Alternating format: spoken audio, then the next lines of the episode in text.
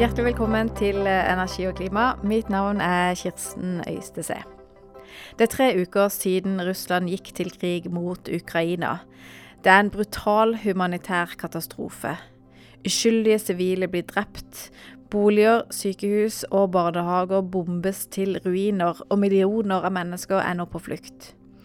Verden har svart Russland med fordømmelse og sanksjoner, og EU vil eh, bryte båndene til Russland og gjøre unionen uavhengig av russisk energi.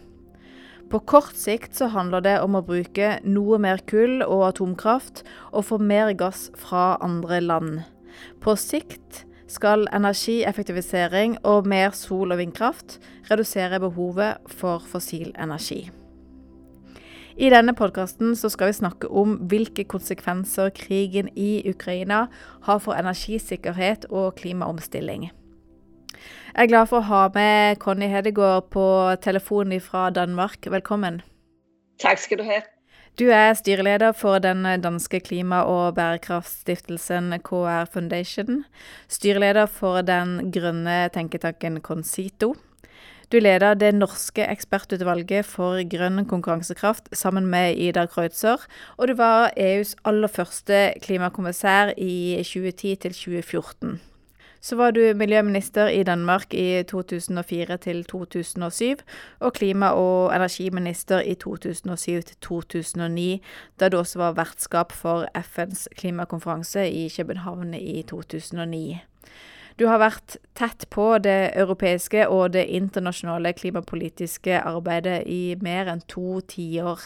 Og du har opplevd at det er mulig å enes om klimamål og tiltak selv i krevende tider. Men du har også sett hvordan finanskrise og pandemi delvis har hindra en kraftfull klimainnsats. Og nå står Europa og verden i en ny, alvorlig og usikker tid.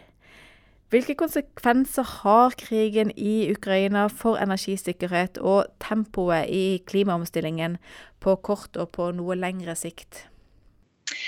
Ja, takk skal du ha, Kirsten. Det er jo et stort spørsmål å, at svare på. fordi lige nå så kan vi jo godt forstå at beslutningstagere i både næringsliv og i politikk de har jo hænderne fulle med å håndtere her og nå-situasjonen. Jeg tror ikke desto mindre, at konsekvensen af det her tragiske wake-up call, vi har fået i Vesten, det er, og det bør i hvert fald helt sikkert være, at vi tager nogle hurtigere beslutninger om, hvordan vi vil omstille vores energi. Hvordan vi meget, meget hurtigt har, kan plukke nogle lavt hængende frugter omkring energieffektivisering, jeg tror, der vil øh, blive speedet op under den grønne, det grønne skifte, for så vidt angår vedvarende energi. Jeg tror, at EU-landene vil øh, accelerere hele indsatsen for at få energiforbindelserne over landegrænserne til at fungere bedre. Og så tror jeg altså også, at vi bliver nødt til at tænke lidt over, om vi er tilstrækkeligt effektive, når det gælder om at få skabt planlægning for lavet grundlaget for, hvor skal der stå sol, hvor skal der være vindmøller på land og til, på havet, hvor, hvor skal der være det ene, hvor skal der være det andet. Der har vi jo en tendens til, at vi er temmelig langsomme om at få implementeret de mål, vi siger, vi vil leve op til. Og der tror jeg nu, at politikerne skal være opmærksom på, de får ikke en bedre chance for at få folkelig opbakning til at tage nogle større skridt end, end det vi nu har set med, med Putin. Altså lige nu, der er folk meget, meget interesseret i ikke fremover betale den politiske pris for at være afhængig af fossile brændstoffer fra regimer som Putins og andre vi ikke bryder os om. Vi har snakka mye om at gassen kan spille en rolle som en bro til eh, lavutslippssamfunnet. Hva betyr krigen i Ukraina for, for gassens rolle? Jo, men det er jo rigtigt. Vi kan jo ikke sådan undvære gas fra den ene dag til den anden. Der har jo været det her hierarki, som du også refererer til, at kul er CO2-mæssigt jo langt værre end, end gas, øh, og så kommer olie, og så kommer gas. Og derfor har man jo sagt, lad os først få kullene ud, lad os så få olien ud. Nu taler vi jo meget om vores gasafhængighed af Rusland, men vi skal jo altså huske, at Europa importerer vældig meget af både vores kul og olie, også fra Putin. Og faktisk tjener han endnu flere penge på vores olie, øh, som vi køber hos ham. Så øh, jeg tror stadigvæk, vi, vi vil skulle have gas, og der kan Norge og andre selvfølgelig også spille en rolle. Men jeg tror bare, at det er vældig vigtigt i den situation, vi er i, hvor klimakrisen jo ikke forsvandt den 24. februar. Altså den er lige så alvorlig i dag, som den var den 24. februar. Og der tror jeg altså, det er rigtig vigtigt, at de beslutninger, der nu tages, ikke er nogen, der låser os fast til fossile brændstoffer i mange år frem. Tag for eksempel det her med LNG-terminaler. Det lyder jo fint, men det tager jo to til tre år at, at bygge dem og få dem up running. Øh, og samtidig så vil det jo betyde, at hvis det skal være rentabelt, ja, så står de jo der de næste mange, mange år og gør os mere afhængige af gas, end vi ellers ville have været. Så jeg tror, i den her situation, så skal vi være realistiske, som du sagde i indledningen. Jo, der er nogle ting, vi bliver nødt til at gøre sådan på et års sigt, på to års sigt, øh, som, som ikke vil være godt for vores klimamål, men det bliver vi nødt til.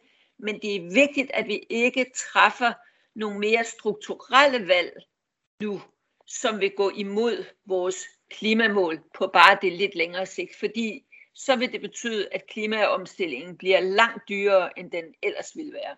Jeg tror sådan set, at noget af det, vi skal gøre langt, langt mere på, den helt, på det helt korte sigt, det er meget stærkere fokus på energieffektivisering.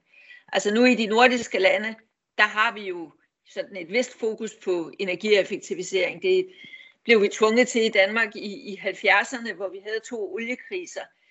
Men jeg tror, at enhver, der har været i Polen eller i Bulgarien, eller hvor det nu kan være, ved, at rundt omkring i Europa, der er godt nok et stort potentiale for yderligere energieffektivisering. Og der behøver vi ikke vente på en masse avancerede teknologier bliver udviklet, eller på, at det skal tage to-tre år at få et eller andet infrastruktur op at stå. Det kan vi sådan set gå i gang med mere eller mindre med det samme. Og fordelen er jo så, at det tjener forbrugerne, forbrugeren sparer penge, hvis vi øh, laver energieffektivisering og optimerer vores anvendelse af energi, så sparer forbrugerne jo også penge. Og det betyder jo også noget på et tidspunkt, hvor energipriserne er så høje, som de er lige nu.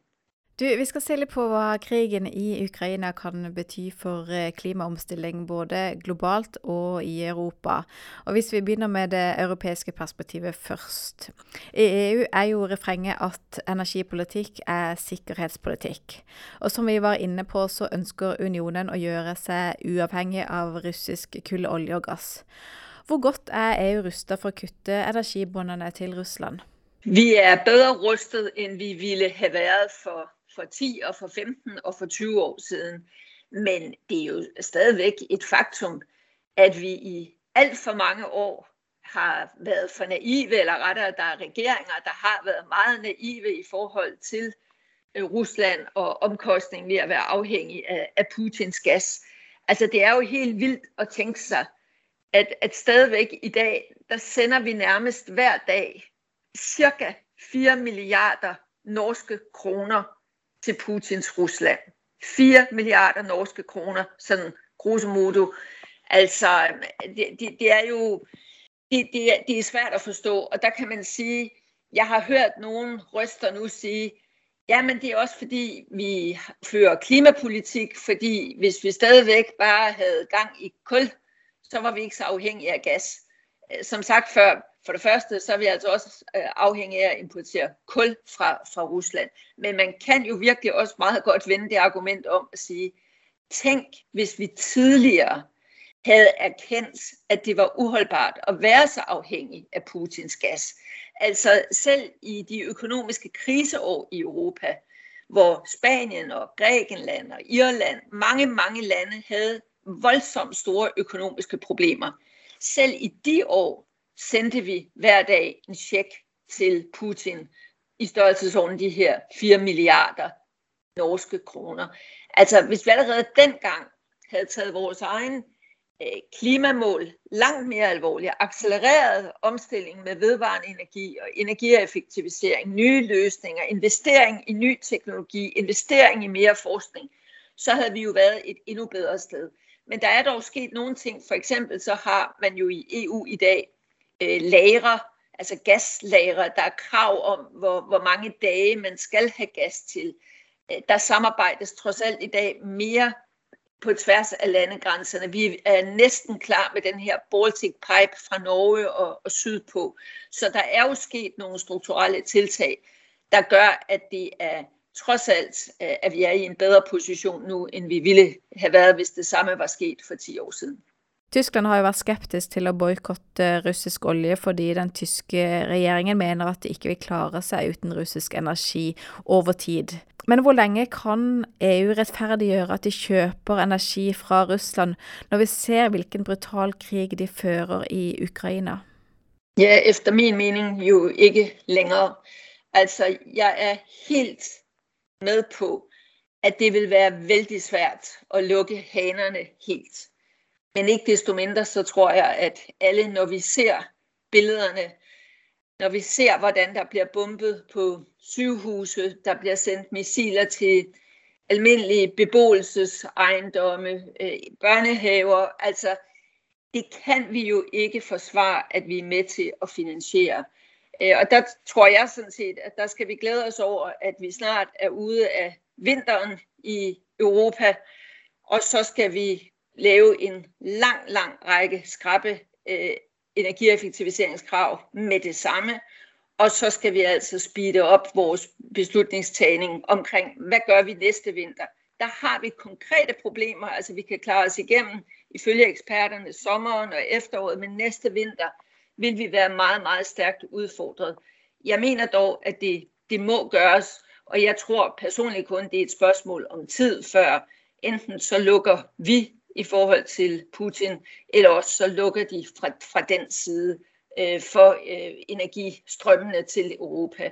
Og jeg mener, hvis vores største våben i forhold til Rusland, når vi jo nu ikke vil starte en meget, meget mere alvorlig krig ved at gå ind militært, så har vi jo kun det økonomiske våben, og det synes jeg så også, man er nødt til at bruge i lyset af, hvad vi ser sker.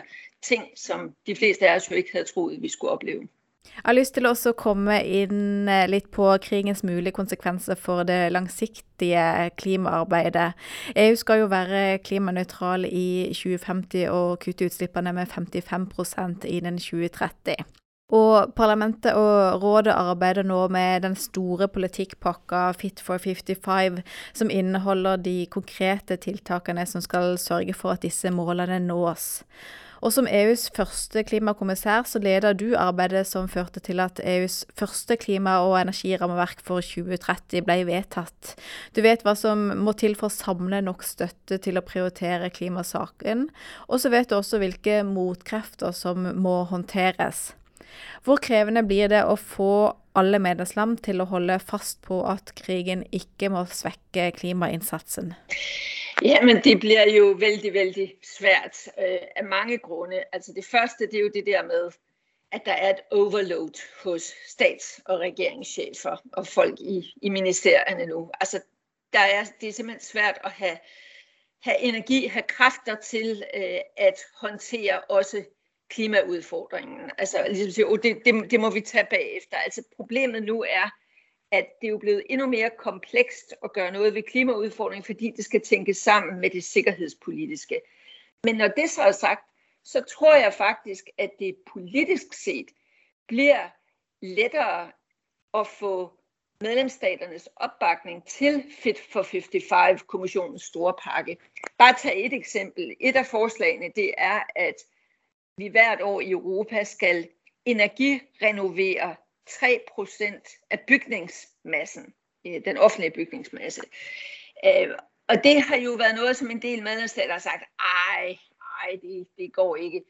Altså sådan nogle initiativer tror jeg, det er meget, meget lettere at få opbakning til i dag, end det var for, for bare tre uger siden. Så, så der er nogle ting, der bliver lettere, og normalt så nogle af de lande, der har været mest imod EU's klimaambitioner. Tag et land som Polen. det er jo også nogle af dem, der er allermest ivrige efter, at vi nu reagerer skarpt over for Rusland. Og samtidig er Polen også et land, der både importerer kul, øh, altså ikke mindst kul fra, fra Rusland, og, og mig bekendt også noget gas, men ikke så meget. Så, så jeg tror, at nogle af de klimaskeptiske lande, de vil af de sikkerhedspolitiske grunde, så vil de langt bedre kunne leve med Fit for 55, end de kunne for bare kort tid siden. Så på den måde har de givet øh, kommissionen og de medlemsstater, der ønsker at være ambitiøse klimamæssigt, de har givet dem et, et skub fremad. Jeg håber så bare, at man nu vil have kræfter til hurtigt at få fremmet de her ting. Fordi uanset hvad, det tager jo lang tid at få implementeret. Altså en ting er at få det vedtaget, men så at få, få det ført ud i livet, det tager jo normalt de der to, tre, samtidig fire år, før tingene rigtig begynder at flytte sig ude konkret i virkeligheden. Og det er jo der, EU skal øve sig på, at der skal være kortere fra beslut, beslutningen er taget, til man rent faktisk implementerer. Og det tror jeg bliver en af de store udfordringer i den her øvelse. Hvis vi går til det globale perspektivet, så krigen i Ukraina har særlig store konsekvenser for Europa, men den endrer også de globale energimarkedene og globale verdikjeder og råvarestrømmer. Hva kan vi forvente av land som USA, Kina, Japan, Australia og India? Altså Vil de være mer eller mindre interessert i å samarbeide om energi- og klimaomstilling? Og vil de, som EU, jobbe for et raskere skifte fra fossil til fornybar energi? Ja, det er et stort spørgsmål. Altså man kan jo sige, det at energiprisen øh, energipriserne er steget så voldsomt, som de er over den seneste tid. Alt andet lige, så gør det jo vedvarende og fornybar energi mere konkurrencedygtigt. Så, så det er i hvert fald en god ting. Og det gør det også mere rentabelt at øh, spare på, på energi.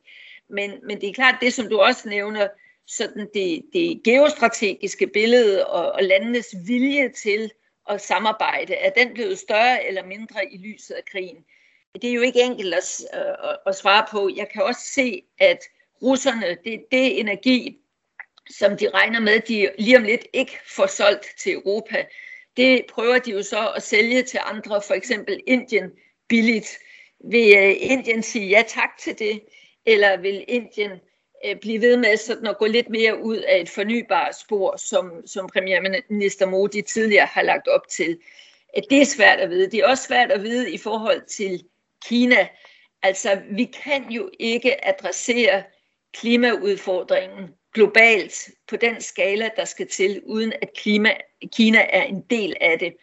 Og, og, og risikoen er jo nu, at fronterne mellem forskellige markante aktører globalt bliver trukket så skarpt op, så det bliver endnu sværere at samarbejde om det, der skal ske. Jeg håber dog, at blandt andet også på grund af, at, at priserne øh, er så høje, som de er, at, at de plan, de planer, der har været i Kina om at, at omstille til en mere øh, bæredygtig øh, økonomi, at de ikke bliver påvirket af det her. Men det er jo svært at sige. Så kan jeg være lidt bekymret for, at USA nu for ligesom at, at komme Europa energimæssigt til undsætning, øh, jo vil meget gerne vil fremme deres eksport af amerikansk shellgas. Og det, øh, det lyder jo som en hjælp nu og her, men som sagt, så kan jeg godt være bange for, at det på lidt længere sigt øh, bestemt ikke vil være en hjælp for, for klimaomstillingen.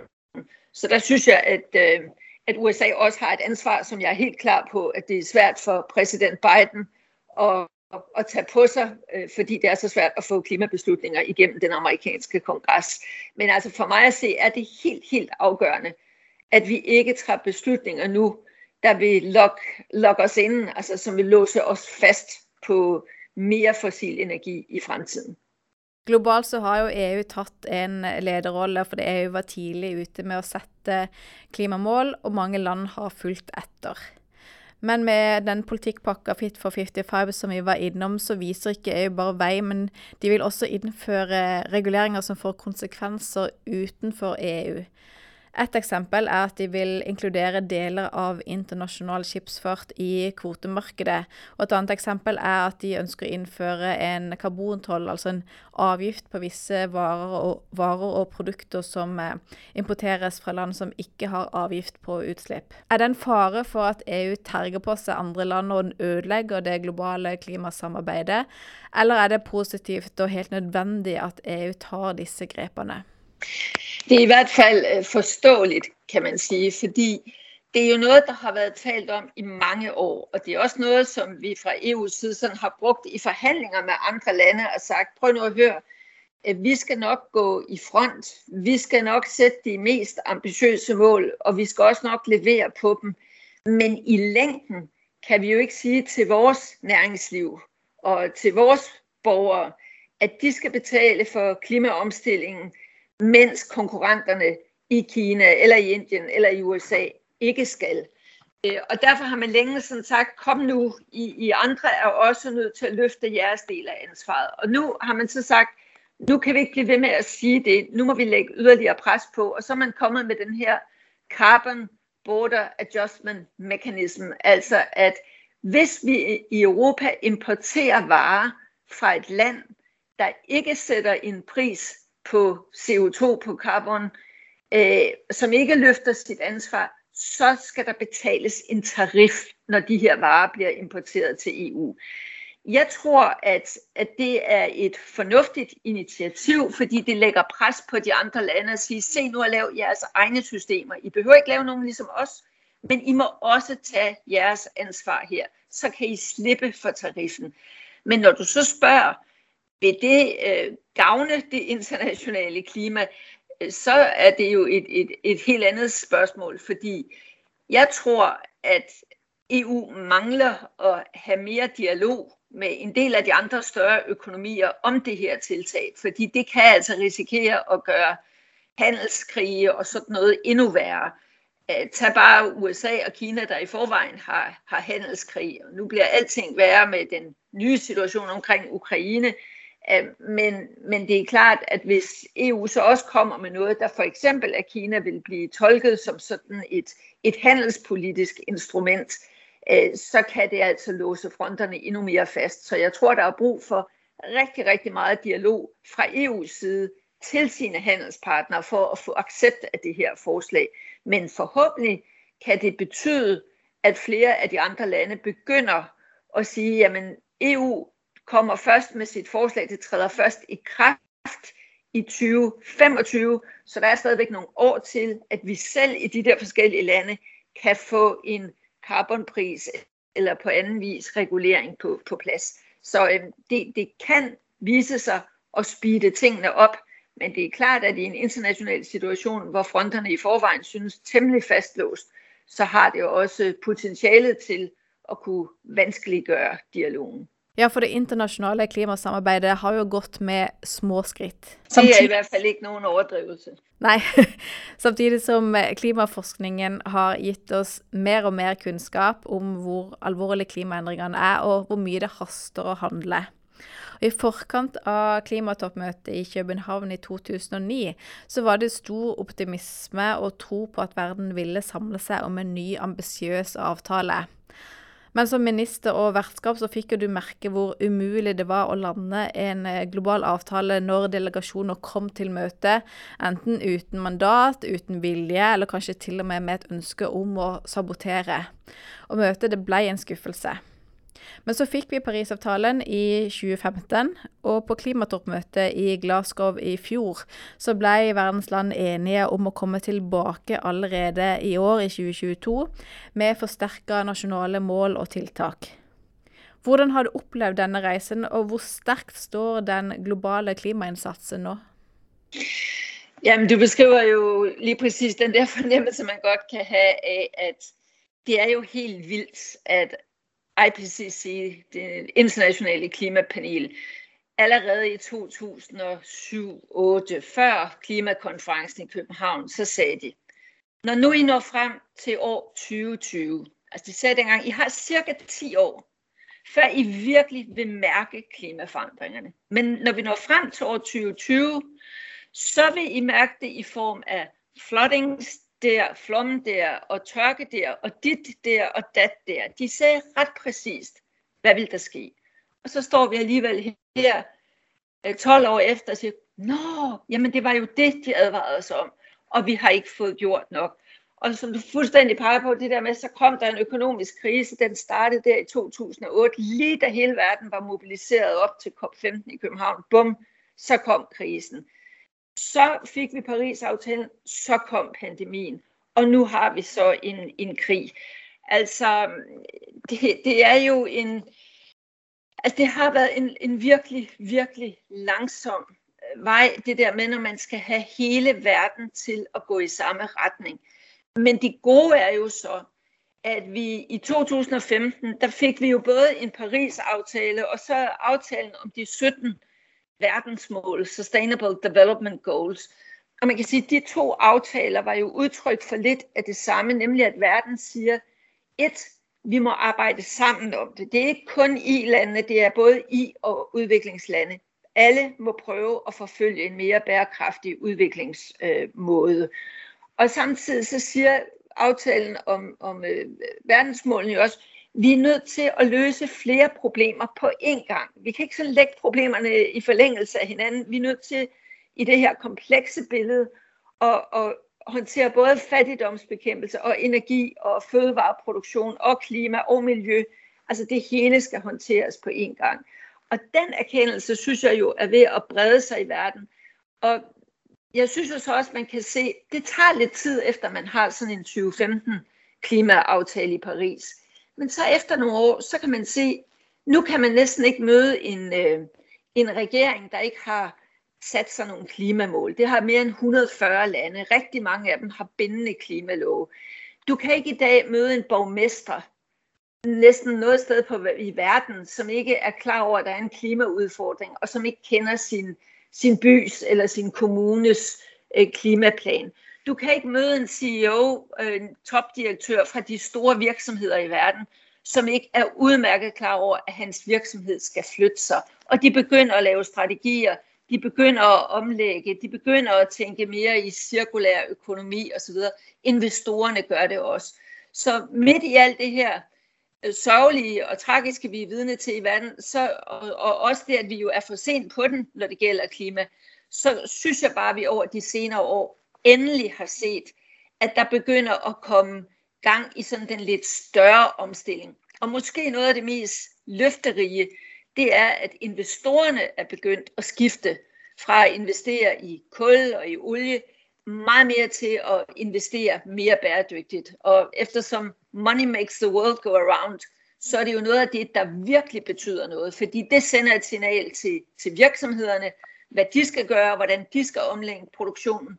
Og når du får den der, øh, det, altså når du får markedet med, når du får næringsliv med, når du får investorerne med, øh, så begynder tingene at rykke på den lidt større klinge. Hvordan kan krigen i Ukraina da påvirke det internationale klimasamarbejdet? Det er stadigvæk virkelig for, for tidligt jo at, at spå om, også fordi lige nu er det jo meget, meget alvorligt, hvad der sker, men, men det har jo potentiale til at udvikle sig til noget endnu værre og, og, og endnu mere forfærdeligt.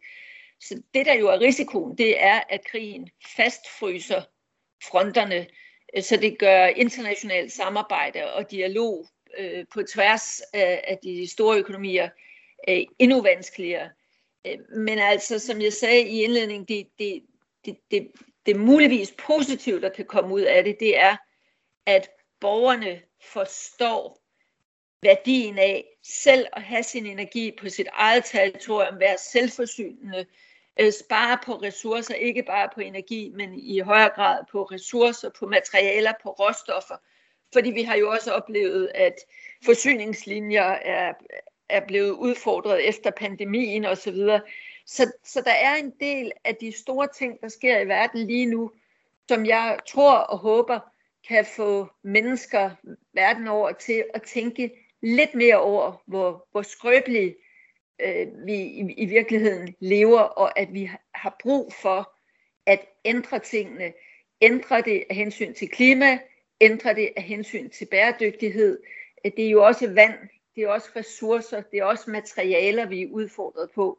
Og man kunne håbe, at hvis vi forhåbentlig meget snart kommer forbi øh, krigen, angrebet på Ukraine, øh, og at det på en eller anden måde finder en, en løsning uden at have spredt sig videre, at så vil der være denne besindighed, denne her sådan erkendelse af, at selvom vi ikke ønsker det, så kan ting meget hurtigt gå meget galt, og derfor skulle vi måske prøve at, at forberede os lidt bedre og være dygtigere til at, at handle mere resolut og mere hurtigt, når vi ved, at vi står over for, for en trusler.